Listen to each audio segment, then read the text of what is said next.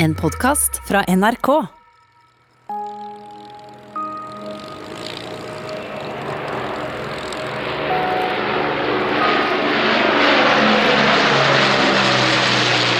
Mars 1943.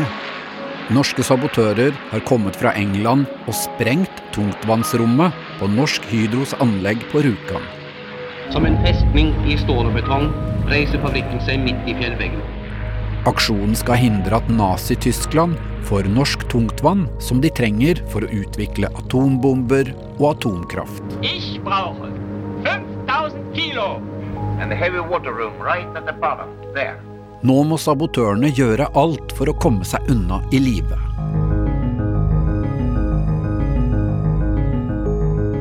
Du hører på Tungtvannsaksjonene av Kjetil Saugestad, del tre av fire, Flukten.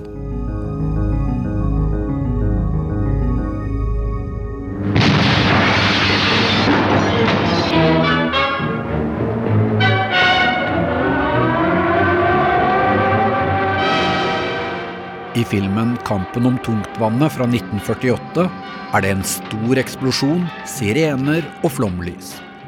Men etter at sabotørene sprenger tungtvannsanlegget i kjelleren på den store fabrikken, går det ingen alarm. Utafor den tyske vaktbrakka står Jens Anton Paulsson og passer på. Han hører nesten ikke eksplosjonen. Ja, det var helt stille. Litt eh, svakt og dårlig, dårlig puff ut gjennom et vindu. Og vi, Haukeli og jeg vi var vel i grunnen litt skuffet og så på hverandre og lurte på om dette var det store banget som vi hadde arbeidet for så lenge. I månedsvis har de planlagt for dette store øyeblikket. Jens Anton er klar med maskingevær og håndgranat.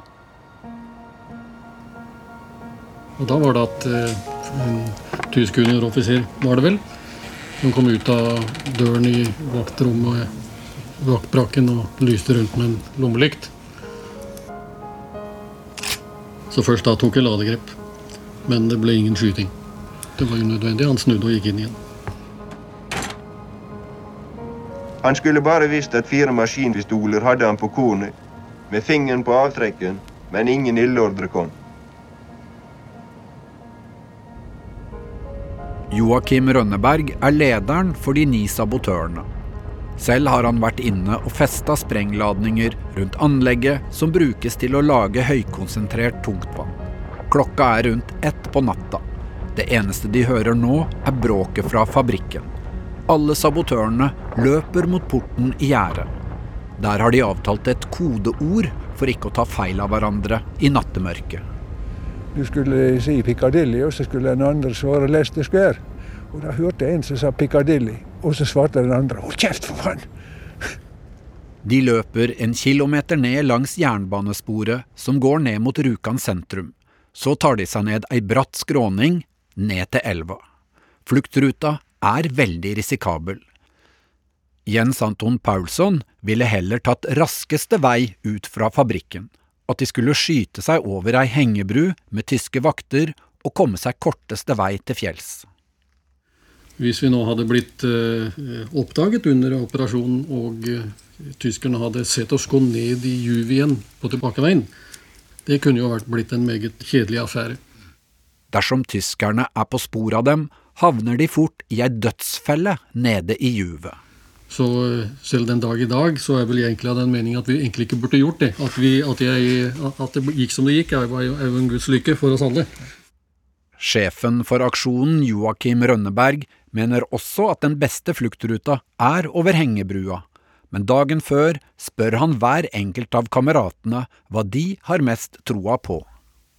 Jeg pratet jo da faktisk med hver enkelt på tomannshånd, og jeg følte da i den situasjonen at, at eh, det var såpass mye risiko inne i denne operasjonen at eh, det kanskje ville være en fordel for hele gruppa at man gjorde det som flertallet var stemt for. Fem stemmer for å rømme ned juvet, samme veien de kom inn til fabrikken, så da blir det slik. August Ratke var ikke med på aksjonen, men er siste gjenlevende veteran fra sabotøravdelingen Kompani Linge. Det er ingen diktator. Det er ingen Rønneberg som sier 'hør her, det er jeg som har kommandoen'. sant? jeg er føreren. Nei, vi må diskutere dette for og imot. Og det som da flertallet kommer til, det gjør vi. Midt oppi en fantastisk vanskelig situasjon sitter de der og snakker rolig om liv og død. Ja. Vi overlater det til demokratiet. På vei ned i juvet har de ingen tyskere i hælene. De hadde ikke uflaks. De har ikke behøvd å løsne et eneste skudd. Øyensynlig var det ingen forfølgelse. Vi nådde elven uten uhell. Den hadde steget faretruende på den tiden vi hadde vært fremme. Vannet fosset nå om lag 10 cm over isbroen, men vi kom oss bra over likevel. Det betviles om vi kunne ha krysset elven en dag senere. På fabrikken på Vemork går det litt tid før tyskerne skjønner hva som egentlig har skjedd. Det skjer ingenting. Det er bare på film. På enhver film så går det alarm. Lokalhistoriker Tor Nikolaisen. Vaktkommandøren, tyske vaktkommandøren på Vemork varsler jo fabrikkens ledelse først om at det har vært en teknisk eksplosjon. Først tror tyskerne at ødeleggelsene har skjedd pga. en feil i anlegget. For da er en tysk soldat som har sett at det er store ødeleggelser i elektrolyseanlegget. Etter hvert får tyskerne snakka med nattarbeideren som blei overrumpla av sabotørene i tungtvannsrommet. Han fikk beskjed om å fortelle at de var britiske, i håp om at tyskerne ikke skal straffe lokalbefolkningen siden aksjonen er utført av soldater som kom utafra. Det er først når Gustav Johansen kommer ut og forteller at her har det vært soldater i britiske uniformer, dette er altså en sabotasje. Da først går alarmen. Og da er gutta på vei ned i juvet. Det er sein lørdagskveld. Direktøren og andre sentrale personer er i middagsselskap, men drar oppover mot fabrikken ei snau mil unna Rjukan sentrum. Da vi kom opp på veien, kom den første utrykningsbil oppover mot Vemor. Det var nå om lag en time siden eksplosjonen. Foreløpig var det temmelig uvisst om vi skulle klare å komme oss bort. Sabotørene gjemmer seg bak brøytekantene når de første privatbilene passerer. Seinere kommer lastebiler med soldater. Og vi løp faktisk der mellom bilene. Det var såpass stor avstand mellom dem. På andre sida av veien har de gjemt sekker og ski. Klaus Hellberg og de andre vil raskt opp på vidda. De regner med storalarm. Alle veier, broer, ville være blokkert av eh, tyskere. Det var atskillige tyske styrker på Rjukan som ville spre seg ganske fort utover i distriktet og blokkere veiene. Nå går de i retning Rjukan sentrum, mens tyskerne er på vei oppover dalføret, rett nedafor. Vi fulgte nå en kraftledningsvei som går nedover mot Rjukan. Fra den hadde vi fritt utsyn ned på hovedveien hvor tyske lastebiler strømmet i vei mot Vemor.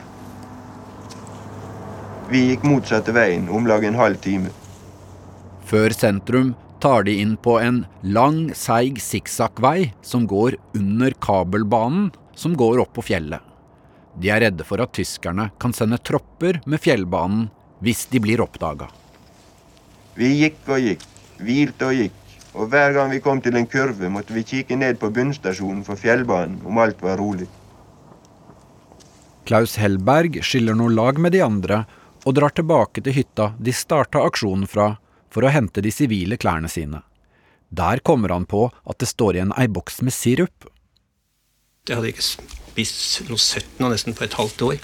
Men det var så mye maur oppi den Sirius-boksen. Men nå var det mørkt. Jeg kom inn i hytta. Vi hadde skalket alle lukene. Det var helt mørkt. Så da tok jeg sirusboksen og spiste alt som var, med maur og det hele. Det var aldeles nydelig. Imens har de andre kommet opp på høyfjellet.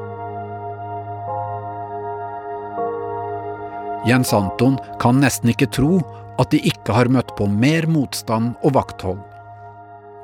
Det er nå alltid slik at eh, du har alltid tro på din egen lykkestjerne. Men at vi alle skulle komme levende ut fra Vemork, og aller minst at vi ikke skulle avført et skudd, det, det var det jo ingen som hadde drømt om at det kunne skje. Så endelig, fem timer etter angrepet, kunne vi sette på skiene og legge veien mot vidda igjen. Aldri har vel en soloppgang gjort større inntrykk enn den måneden. Trette, men lykkelige soldater på vei mot fjellet. Vår trofaste allierte i kampen mot tyskerne. Nå følte vi oss temmelig trygge.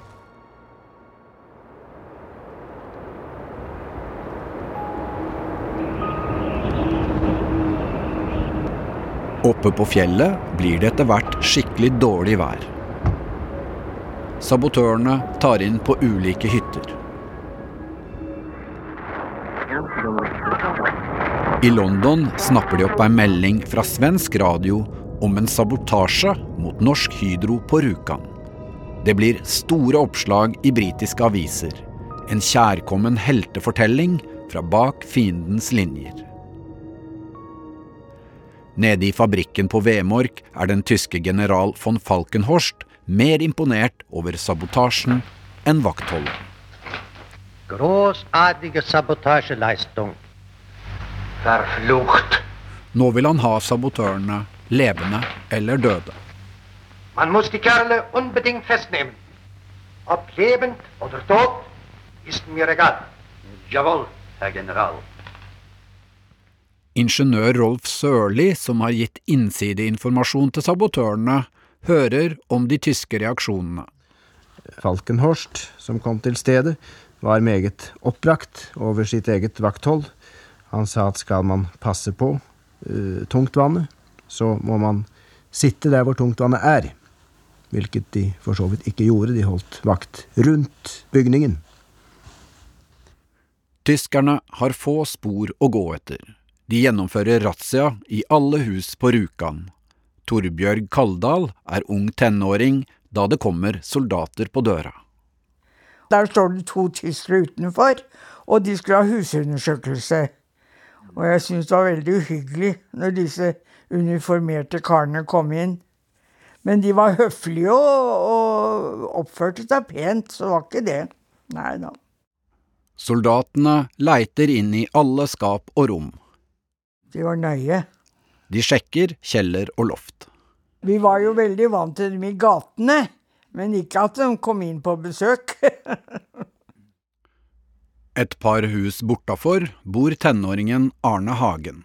Det stormet inn eh, tre-fire tyskere med hevet maskingevær. Og de lette rundt. Og vi hadde en, en lampe hengende i taket, husker jeg, i stua. Som var eh, Det var en tøylampe. Og eh, min søster hun skulle ha litt lys hun da for at de skulle se bedre, så hun tente lampen, og oppi der så lå det en liten radio. Riktignok eh, en sånn miniatyrhistorie som far hadde laget selv. Men soldatene oppdager ikke radioen. Arne viser dem vei opp til den eldre naboen i etasjen over. Og der fru Berg, hun lå på sengen, og hun hørte så dårlig. Og, og, da vi kom inn, en tysker med maskinpistol, så skal jeg si det ble oppstand der. Den store damen, hun spratt opp fra divanen som hun hadde ligget på. Men uh, de ga opp etter hvert, så de fant ikke noen. Så de forsvant igjen, da.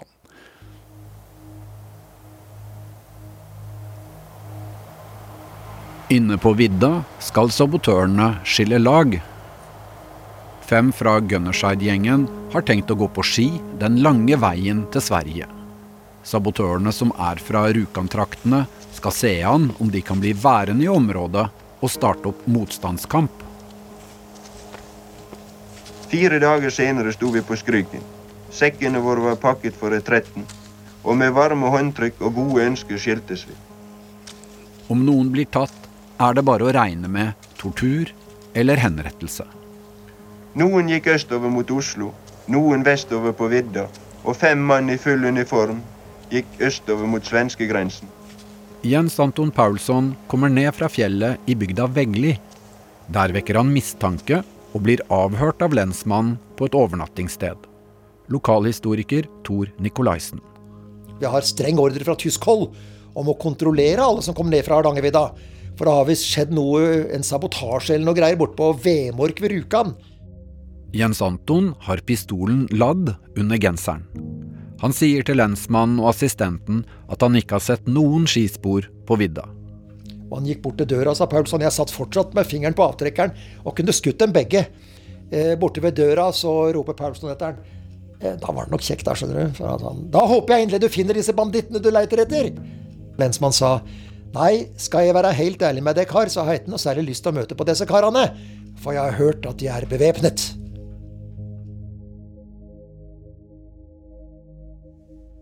Klaus Hellberg, som er gammel klassekamerat av Jens Anton, har også gått på tvers av vidda og havna på Geilo og tatt tog til Oslo. Ei uke etter aksjonen møtes de to som avtalt på Majorstuen. Vi hadde jo ikke sett hverandre siden den natten vi sprengte på Vemork. Og vi eh, ville feire begivenheten, så da gikk vi tvers over gaten der, opp i en kafé, og så bestilte vi kaker. Det var eh, dårlige krisekaker sikkert, men vi syntes det smakte fint. En, en riktig hyggelig kveld hadde vi der sammen. Mens de koser seg på kafé, har kameratene på vei til Sverige det mer strevsomt. En av Gunnerside-karene, han kunne faktisk nesten ikke gå på ski. I hvert fall en dårlig skiløper. Kasper Idland har ikke vært så nøye på skiferdighetene siden sjefen i London mente risikoen for å dø under aksjonen var stor. Denne jobben, karer, den kommer dere neppe levende ifra. Og da meldte han seg, han, fordi han mente at da var ikke nødvendig å kunne gå så mye på ski. Da skulle han ikke over til Sverige, slik som eh, planen var. Kasper er redd for å sinke de andre, og sier at de kan stikke i forveien. Skituren til Sverige er på 600 km. Men gruppa holder sammen og går langt nord for å unngå tyske tropper. De har 20 kartblad de skal krysse på vei mot friheten. Ja, etter hvert som vi forlot et kartblad, så var det fest. For da var det frem med fyrstikkeska, og så var det å tenne bål, og så si som så at vel, takk for hjelpen, nå trenger vi ikke deg mer. Joakim Rønneberg og de andre later som de er ei tysk skipatrulje med hvit kamuflasjedrakt over uniformene. Vi skulle være nybarbert hver morgen, så vi så skikkelig ut. Ingen skulle liksom se at vi hadde vært 14 dager eller en måned i fjellet. Og vi skulle la være å snakke. Siden de skal krysse fem store dalfører, er det ikke mulig bare å gå om natta slik de har planlagt. Når de møter folk, er det om å gjøre å late som ingenting. I Valdres passerer de to karer som er på vei til fjells. Og da de så den her militærpatruljen som kom nedover, så jumpa de ut av tømmerveien og sto liksom to meter til siden for tømmerveien med snø til oppunder armene. Og så temmelig vettaskremte ut når vi gikk forbi. Og vi prøvde jo da å se sure ut og se litt eh, barske ut. Men vi var vel antagelig minst like redde som de. På samme tid pågår det opprydding rundt tungtvannsanlegget som er blitt sprengt. Ingeniør Rolf Sørli. Et par dager etter at sabotasjen var utført, ble jeg eh, gjennom Norsk Hydros ledelse bedt om å ta del i oppbygningen, og fikk da selvfølgelig se anlegget, som var så å si totalt ødelagt. Dies muss alles sofort wieder aufgebaut werden. Nazi-Tyskland vil ha anlegget bygget opp igjen så fort som mulig. Sofort! Ti dager etter sabotasjen legges planene for et nytt og bedre anlegg for produksjon av norsk tungtvann. Verlangt das Reich noch bedeutend gesteigerte Produktion? Jawohl, Herr General. Tyskerne får etter hvert flere interessante spor etter sabotørene. Noen ser Gunnerside-gruppa på vei gjennom Dagali mot Sverige. To ukjente menn flykter fra tyskerne på fjellet og løsner skudd. I tillegg er det reinjegeren Christian Christiansen som møtte sabotørene før aksjonen. Han ble sluppet løs under løfte og trussel om å holde kjeft. Men nede i hjembygda Uvdal kommer det raskt for en dag at han både har engelsk røyk og sjokolade som sabotørene sendte med ham på veien. Britisk sjokolade på Hardangervidda i denne situasjonen, det er sabotøren han har møtt. Kilder mener Christiansen var tilbake i bygda alt to dager før sprengningsaksjonen og forteller om sabotørene han har møtt. Men heldigvis for Gunnerside-gruppa blir det ikke noen alarmering som ødelegger for sabotasjeplanene. Da tyskerne planlegger storaksjon på vidda med flere tusen soldater, blir Christiansen kjørt til Victoria terrasse i Oslo for harde avhør. Seinere havner han i fangeleiren Grini. Tyskerne forstår at den store Hardangervidda er et egna sted for motstandsfolk. Og dette danner grunnlaget for at tyskerne satte i gang en razzia, for det første, med leiteaksjon. Og at eh, Hardangervidda faktisk blir forbudt område for resten av krigen. Det blir sperra. Seterdriften opphører, turisthyttene stenges, eh, jakt og fiske blir forbudt. Mens nazistene gjennomsøker det store fjellplatået, er de fem karene fra Gunnerside kommet langt av gårde mot Sverige. De bryter seg inn i ulike hytter underveis. På Nystølsetra i Hallingdal finner de et fint overnattingssted.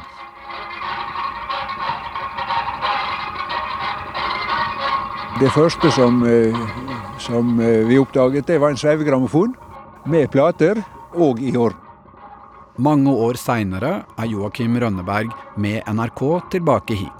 Den gamle platespilleren virker fremdeles. Han husker de spilte slageren 'Livet på Finnskogen' og var optimistiske. Det kunne vel bli en åtte-ti dager til, så var det vår tur å være borte i Finnskogen. Om vi da kunne slenge oss rundt i vals, det vet jeg ikke. Men eh, vi spilte plater der og hadde det veldig koselig en lørdagskveld. Fyrte på peisen og hadde det absolutt på topp. Men det er også krevende etapper. Ved Rena passerer de hjemtraktene til den ene sabotøren, Hans Storhaug. Han likte å fortelle om eh, flukten da han passerte her på Rena, da. Dattera, Åse Storhaug Hole. Og de hadde stjålet en båt nede på Skjærodden. Måtte padle med skia sine, for det var ikke årer i båten. Og den eh, var lekk, så den ble veldig våte og frøsne. Lillesøstera til Hans Storhaug, Ingeborg Storhaug, er hjemme på gården mens Gunnerside-karene sniker seg forbi noen hundre meter unna. Og de var sultne og slitne. Og han visste at det var mat på i uthuset der, spekeskinker og litt forskjellig. Men torde jo ikke å inn og få tak i noe av det, for eh, det hadde blitt litt oppstuss. Og det var jo ikke bra hvis de begynte å lure litt da. Så han passerte sulten og sliten. Etter en lang marsj på 16 dager har de lagt bak seg 600 km i krevende terreng. Da vi var framme i Sverige, da var skiene neppe salgbare, hadde jeg så nær sagt. Da sto skruene gjennom, eh, og styresporet mitt etter skia det var fullstendig borte. og Det så ut nærmest som eh, utslitte tønnestaver. De krysser over til Sverige ved Grenserøys 106 og graver ned alt av våpen og uniformer. Eh, og fortsetter da i bare undertøyet og hvite overtrekk. Som sivilister. Eh, og har nå sammen diktet opp en historie de skal servere når de treffer på myndigheter. At de har rømt fra en arbeidsleir oppe i Trøndelag eller noe. For alle som kommer over grensa som flyktninger, blir jo tatt inn til avhør. Og svenskene var jo ikke helt ryddige. Eh, slik at eh, noen mistanke om noe annet her kunne risikere at de ble sendt tilbake. På Hardangervidda er det fremdeles to sabotører, de som passet på radiostasjonene. Telegrafist Knut Haugland får ikke bekreftelse på at sprengingen på Vemork har vært vellykka før etter ei drøy uke. Og jeg må jo si jeg var veldig glad når jeg fikk høre at det var, se at det var 100 vellykket alt sammen. Han sender telegram til London om at tyskerne ikke har skjønt noen ting. Operation carried out with 100% success. High concentration plant completely destroyed. Shots not exchanged since the Germans didn't realize anything. Når razziaen settes i gang og tyskerne kommer inn med peileutstyr på vidda, rømmer Knut Haugland og Einar Skinnaland opp i høyden. Vi hadde et lite tomannstelt, og ellers så hadde vi en svær snøhytte gravd inn i en skavl. Vi lå oppe på toppen av et fjell og så på tyskerne. Gikk innover på begge sider. De hadde med seg eh, sleder, hester. Det var fly over. Men vi følte oss temmelig trygge der. Klaus Hellberg havner midt oppe i razziaen som tyskerne kaller Gråsen-innsats Hardangervidda. Etter noen uker i Oslo drar han nemlig opp på vidda for å rydde vekk ting som ligger igjen etter sabotørene. Han går på ski opp til ei av hyttene de har brukt. Der venter fienden. Det viste seg at jeg var nesten omringet av denne tyske patruljen. De var bevæpnet alle mann. Jeg hadde en pistol, men kunne selvsagt ikke gjøre noe mot alle disse tyskerne. Klaus hiver seg på skiene og kommer seg av gårde mellom tyskerne. Så jeg satte i vei alt det jeg var kar om. Aldri før eller siden har jeg løpt så fort på ski. Klaus er i god skiform etter en lang vinter på fjellet. Og jeg klarte å riste tyskerne av meg, én efter én. Men to mann ble hengende på. Og vi jaget innover vidda én, kanskje to timer. Etter hvert er det bare én mann som holder følge. Og Klaus finner fort ut at han, så lenge han holder oppoverbakke, så holder han tyskeren på avstand. I det øyeblikket det er en utforkjøring, så drar tyskeren innpå. Han har altså bedre ski. Etter hvert flater det ut på vidda. Det er ikke flere stigninger igjen, og den tyske soldaten er til slutt bare 30-40 meter bak ham. Og han ropte 'Hende hoch', og da mente jeg at nå er ikke store sjanser. Men så kom han på ganske kloss hold, og da tok jeg pistolen fram og skjøt to skudd. Og tyskeren skjøt. Hele magasinet tomt.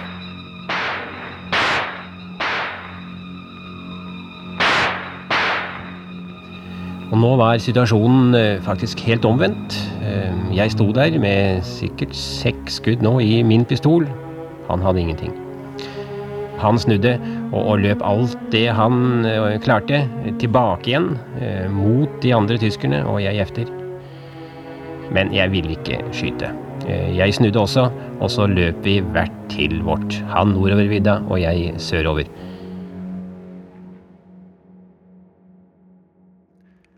Tor Nikolaisen var en nær venn av Klaus Hellberg og har hørt denne fortellingen med ulike nyanser.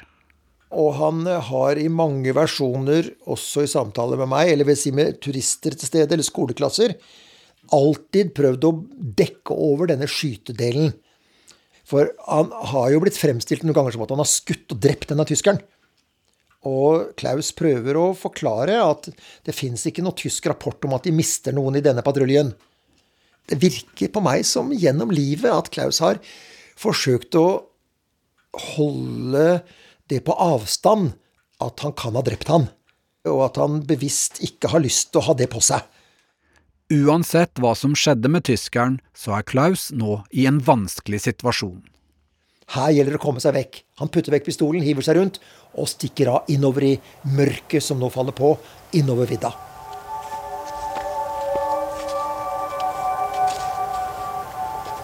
Jeg ville komme meg så langt unna dette området som bare mulig. Jeg satte kurs mot uh, Møssvann. Jeg gikk efter stjernene. Men det er ikke bra å gå slik inn på fjellet i, i mørket. Og plutselig så var jeg utfor et stup. Jeg følte at jeg var lenge i luften. Falt ned uh, på skulderen. Jeg har vondt i den der skulderen enda. Uh, jeg brakk den, det skjønte jeg jo fort. Jeg svimte nok av også. Klaus putter den brukne armen i bukselinningen og går videre med én stav. Han prøver å gå på isen på innsjøene for ikke å etterlate spor. Eh, nå var det blitt dag igjen. Jeg hadde en flymaskin som kretset over meg. I den flymaskinen så satt Reichskommissær Josef Terboven, og det var jo han som var ute etter oss. efter i alt 36 timers eh, skitur, det er den lengste skituren jeg har gjort noen ganger, eh, så var jeg i Rauland. Nå trenger Klaus virkelig hjelp, og han banker på døra til noen han kjenner og stoler på. Det ropte 'herein'. Da forsto jeg at gården var besatt, men det var for sent for meg. Jeg gikk inn. Det var fullt av tyskere i rommet innenfor. En av tyskerne kom imot meg. Klaus tenker raskt ut en dekkhistorie om at han har skada seg under oppdrag som kjentmann for tyskerne under razziaen. Men Klaus er jo utrolig usikker på om denne historien holder vann, altså. Klaus får hjelp av en tysk lege, men siden bruddet ved skuldra er komplisert, vil de sende han til sykehus dagen etter. Først blir han kjørt i ambulanse ned fra fjellet til Bandagsli hotell i Tokke, og tenker at alt har gått bra. Men utpå kvelden så ble det spetakkel. Da ble hotellet besatt, eh, omringet, en stor tysk eh, styrke, og mange høyere tyske offiserer kom inn i hotellet. De tyske toppoffiserene har vært og inspisert storrazziaen på Hardangervidda. Og jeg ble meget redd eh, da jeg så at det var Reichskommissær, den øverste tyske sjef i Norge, Josef Terboven. Nå skal de overnatte og hygge seg på hotellet. Terboffens offiserer er ute i peisestua og inviterer noen norske jenter som er på vinterferie her, nemlig Åse og hennes venninner. De blir invitert til tyskernes bord. Åse blir da Terpoffens borddame, og hun forstår nok ganske tidlig i middagen at han eh, kanskje har andre planer med henne enn bare å spise middag. Og det vil hun selvfølgelig ut av så fort som overhodet mulig. Da Terboven spør Åse om hva faren hennes gjør, svarer hun at han er i London, og at det er hun stolt av. Og det er jo, det er jo som å vifte med en rød klut foran nesa på Terboven. Bare å nevne London. Han blir rasende forbanna for hennes fornærmelse. Eh, og hun og hennes venninner blir lempet ut av spisesalen. Og middagen er definitivt over for deres vedkommende. Og Åse har jo i første omgang i hvert fall oppnådd det hun ville, nemlig å komme ut av Terboffens klør. Men Terboven blir såpass hissig at han bestemmer seg for at alle på hotellet skal sendes til fangeleiren Grini utafor Oslo. Og nå syns jeg at jeg var ille ute. Vi ble tatt under forhør, måtte ut med navn, adresser osv. Tyskerne aner ikke at de har en av selve sabotørene i garnet. Klaus er sikker på at hans falske identitetspapir kommer til å bli avslørt på et eller annet tidspunkt. Jeg regnet ikke med å ha svære sjansene nå men eh, noe måtte gjøres, eh, for eh, jeg satt inne med mange opplysninger om vår virksomhet eh, borte i, i, Skottland, om eh, sjefene våre i London, kameratene hjemme osv. Om dette arbeidet jeg skulle begynne med oppe ved Rjukan, motstandsbevegelsen og alt sammen. Jeg måtte ikke bli tatt eh, levende.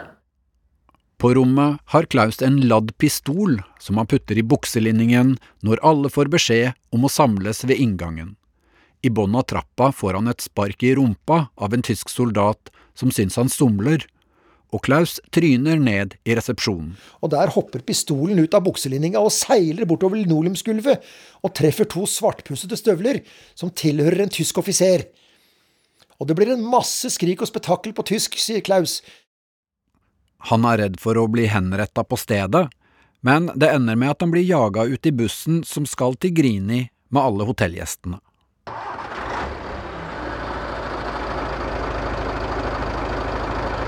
Det var en norsk sjåfør, to tyske vakter i bussen, og så var det motorsykkeleskorte. Én motorsykkel foran bussen og én bak bussen. Klaus havner bak i bussen med jentene som fornærma Terboven. Og vi kjørte av gårde gjennom eh, Telemark, eh, gjennom Kongsberg og Drammen og innover mot eh, Oslo.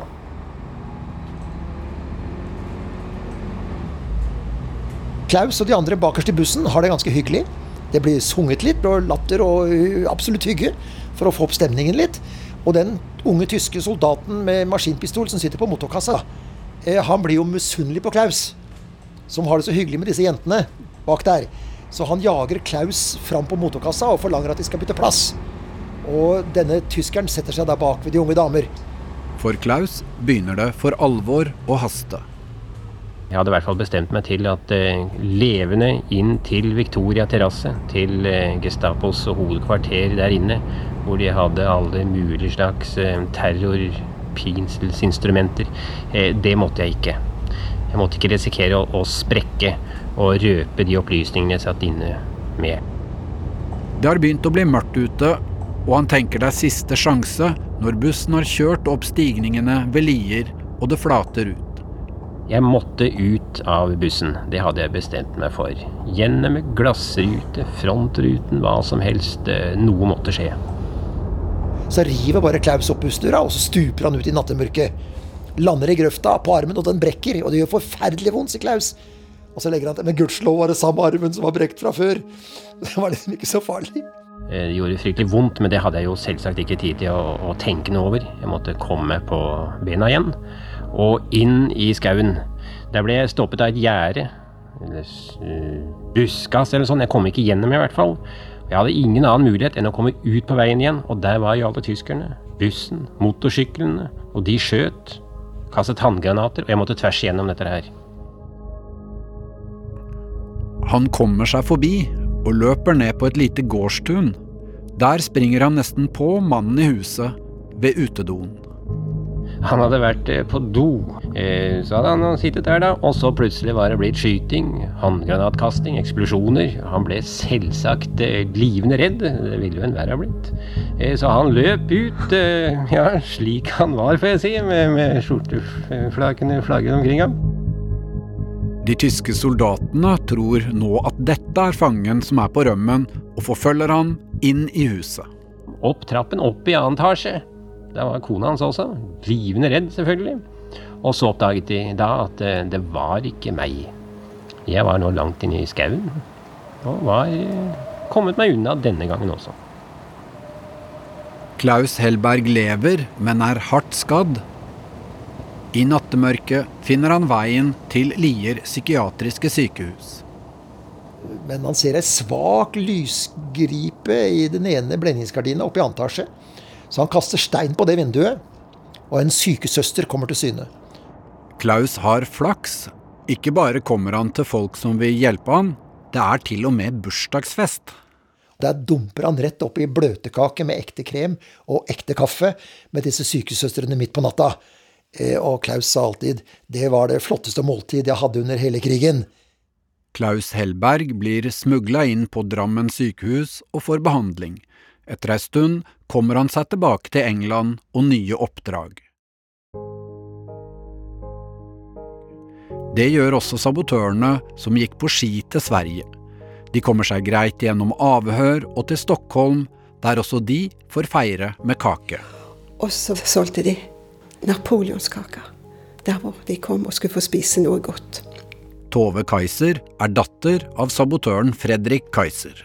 Pappa elsket hele livet napoleonskaker. Og så, så spiste han jo to napoleonskaker. Og da så de andre på han når han gikk bort igjen og skulle ha to til. Må du være forsiktig, Fredrik. Du vet vi har jo omtrent ikke spist noe nå.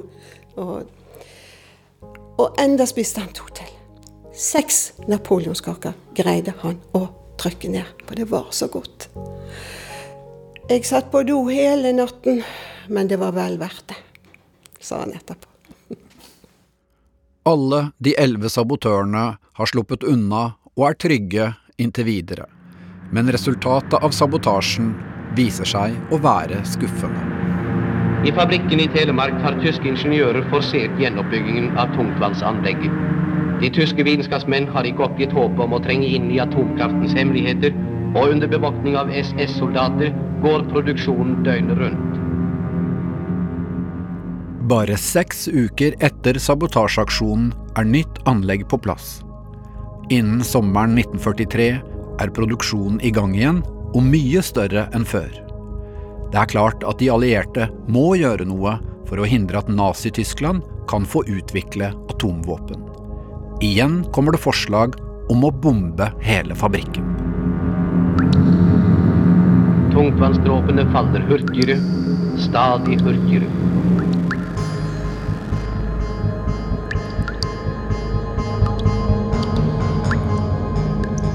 Dette var den tredje delen av Tungtvannsaksjonene, som er laga av meg, Kjetil Saugestad. Lyddesign ved Kjetil Hansen, produsent Line Alsaker, arkivresearch Beate Riser og redaksjonssjef Siril Heierdal. Den spesialkomponerte musikken er levert av JF Allum.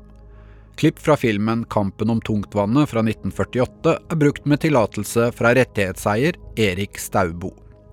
Mildrid W. Nilsen har bidratt med faktasjekk med utgangspunkt i boka hennes som heter 'På sporet av tungtvannssabotørene på Hardangervidda'. Andre viktige kilder er bøkene 'Tungtvannsaksjonen' av Asgeir Ueland, 'Bygdehistoria for Nore og Uvdal' av Kåre Olav Solhjell og artikkel av Erling Bjørkheim i Som daga lir. 'Tungtvannssabotørenes retrett' av Tom Lium, 'Sabotøren Joakim Rønneberg' av Gunnar Myklebust. Fra NRKs arkiv har vi bl.a. klipp fra intervjuer gjort av Per Bøhn, Tor Strand, Ole Kristen Harborg, Anne Torjussen Disen og Frode Meskau. Kontakt oss gjerne på e-post hele historien krøllalfa nrk.no. Du har hørt en podkast fra NRK. De nyeste episodene og alle radiokanalene hører du i appen NRK Radio. Ny podkast fra NRK P3. Jeg heter Silje Nordnes og har hatt kjærlighetssorg. Masse. Ja, du vil snakke om kjærlighetssorg og hva som skjer når vi har det. Ekstremt intens eh, opplevelse. Noe av det mest intense følelsesmessige man kan oppleve som menneske. Jeg skal helt ærlig si at det var fysisk vondt i hjertet. Hvorfor er det så jævlig kjipt? Og kan jeg, og vi alle, få trua på kjærligheten igjen? Kjærlighetssorg hører du først i appen NRK Radio.